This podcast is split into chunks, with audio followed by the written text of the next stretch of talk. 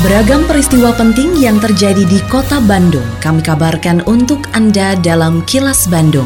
Diproduksi oleh LPS PR SSNI Bandung bekerja sama dengan Humas Pemkot Bandung yang disiarkan serentak oleh 40 radio anggota PR SSNI Bandung.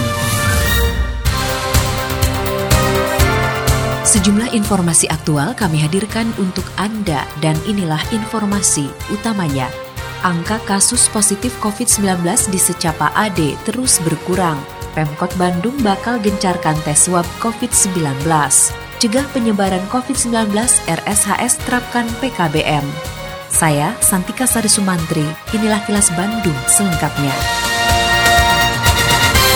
Berbekal pengalaman bertugas di tempat sebelumnya, maka saat bertugas di tempat yang baru, para pejabat di lingkungan Kodam 3 Siliwangi diyakini dapat mengemban dan menjalankan amanat yang diberikan pimpinan TNI Angkatan Darat dengan sangat baik. Hal tersebut disampaikan Pangdam 3 Siliwangi, Mayor Jenderal TNI Nugroho Budi Wiryanto saat memimpin upacara serah terima jabatan sejumlah pejabat tingkat batalion dan detasemen di jajaran Kodam 3 Siliwangi. Pangdam berpesan komandan batalion harus menjalankan kepemimpinan yang berhadapan langsung dengan prajuritnya. Oleh karenanya para komandan dituntut memiliki stamina juga fisik yang prima serta keterampilan yang mumpuni agar menjadi panutan bagi prajuritnya. Saya percaya dengan berbekal pengalaman penugasan di tempat tugas yang lama, para pejabat baru dapat melaksanakan tugas dan tanggung jawabnya dipercayakan pimpinan TNI Angkatan Darat ini dengan sebaik-baiknya. Komandan batalion adalah face-to-face leadership, kepemimpinan yang berhadapan. Kita berhadapan langsung dengan prajurit-prajurit kita. Oleh sebab itu, saudara-saudara harus mempunyai fisik yang prima dan keterampilan yang baik. Secara bertahap, jumlah pasien positif COVID-19 di Sekolah Calon Perwira TNI Angkatan Darat atau Secapa AD di Hegar Manah, Kota Bandung terus berkurang. Gubernur Jawa Barat Ridwan Kamil, yang juga Ketua Gugus Tugas Penanganan COVID-19 Jawa Barat mengatakan, kepastian tersebut diperoleh setelah pihak kesehatan Kodam 3 Siliwangi melakukan tes swab terhadap para siswa secapa. Menurutnya penurunan jumlah tersebut menjadi pertanda baik dan harus terus dijaga. Berdasarkan data Dinas Penerangan TNI Angkatan Darat, dari 1.308 siswa positif COVID-19 di secapa AD, 1.093 orang di antaranya dinyatakan negatif atau sembuh sedangkan 215 orang lainnya masih menjalani karantina dan perawatan. Berita baiknya adalah yang sembuh dari secapa lebih dari 1000 orang, sehingga yang tinggal masih harus melakukan karantina diri tinggal 200-an. Eh, laporan dari Pangdam 3 Siliwangi, di mana pengetesan terakhir tes swab oleh kesehatan Kodam itu yang 1000 lebih itu sudah bertugas lagi.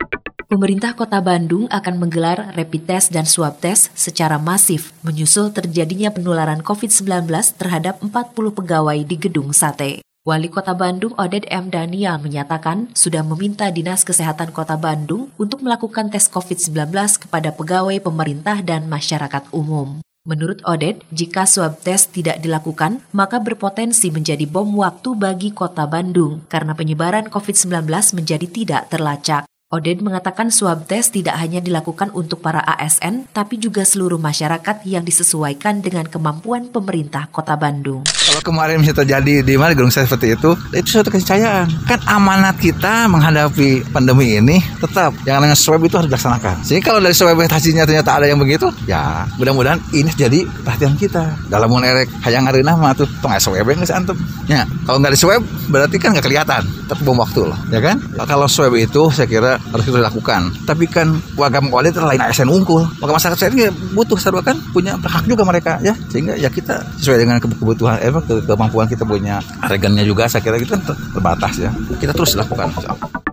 Sekretaris Daerah Kota Bandung Emma Sumarna mengatakan bahwa saat ini pemerintah bukan hanya harus melakukan pencegahan COVID-19, tapi juga pemulihan ekonomi. Hal tersebut disampaikan Emma menanggapi aksi damai para pekerja tempat hiburan yang menuntut pemerintah kota Bandung kembali membuka tempat mereka bekerja. Emma yang juga Ketua Harian Gugus Tugas Percepatan Penanganan COVID-19 Kota Bandung menyatakan pihaknya sudah melakukan pembahasan terkait pembukaan kembali sektor hiburan tersebut. Oleh karenanya Emma meminta para pekerja tempat hiburan untuk bersabar, sedangkan kepada pengelola diharapkan menyiapkan tempat usahanya sehingga sesuai aturan yang berlaku. Pun sebetulnya ada demo atau tidak ada demo kita mah sebetulnya udah melakukan pembahasan. Cuma memang aspek kehati-hatian ini yang harus kita lakukan. Pertanyaannya lebih cepat demo atau lebih cepat rapat? Sebetulnya lebih cepat rapat. Saya ingin memberikan bahan kepada pimpinan mengambil kebijakan itu rasional objektif suasananya memang benar tepat untuk mengambil kebijakan. Solusinya ya sabar saja dulu. Kan kita sedang bekerja juga. Lakukan saja kepada hal-hal yang memang secara regulasi itu dimungkinkan.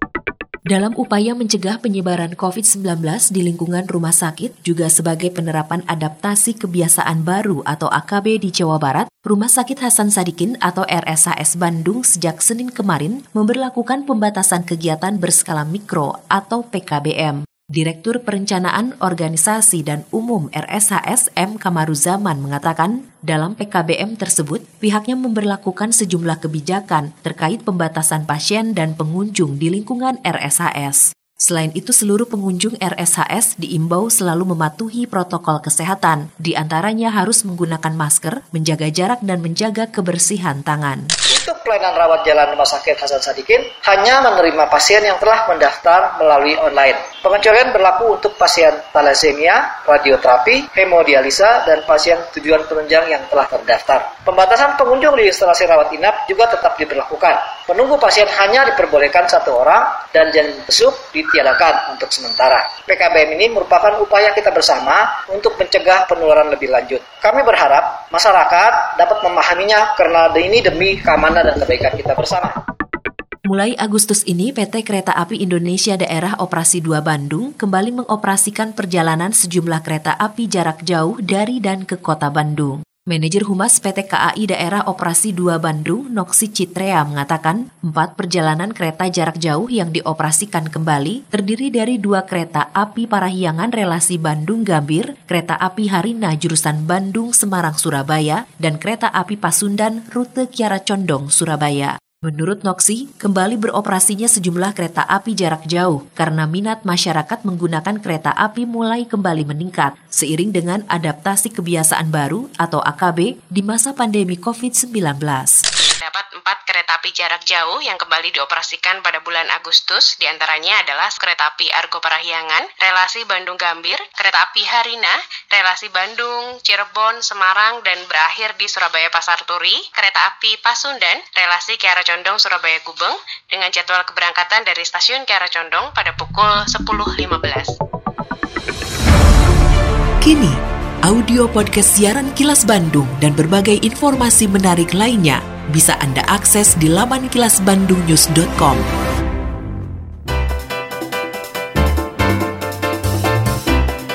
Berikut sejumlah agenda kerja para pejabat Pemkot Bandung Selasa 4 Agustus 2020. Wali Kota Oded M. Daniel menerima silaturahmi Kepala Bandara Hussein Sastra Negara Bandung dan Regional Chief Executive Officer Bank Mandiri Regional 6 Jawa 1. Agenda lainnya wali kota bersama sekretaris daerah mengikuti rapat paripurna DPRD Kota Bandung. Adapun Bandung menjawab menghadirkan narasumber Kepala Dinas Koperasi, Usaha Mikro Kecil dan Menengah Kota Bandung, serta Kepala Dinas Pendidikan Kota Bandung.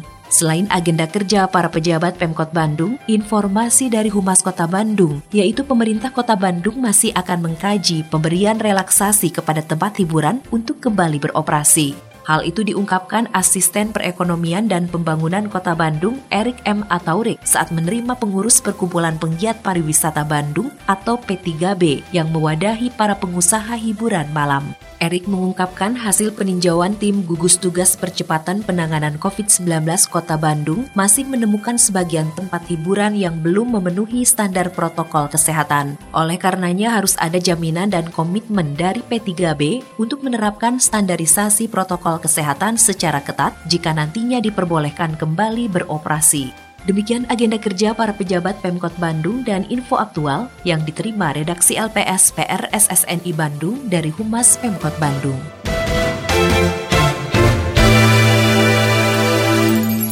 Terima kasih Anda telah menyimak Kilas Bandung bekerja sama dengan Humas Pemerintah Kota Bandung yang diproduksi oleh LPS SSNI Bandung.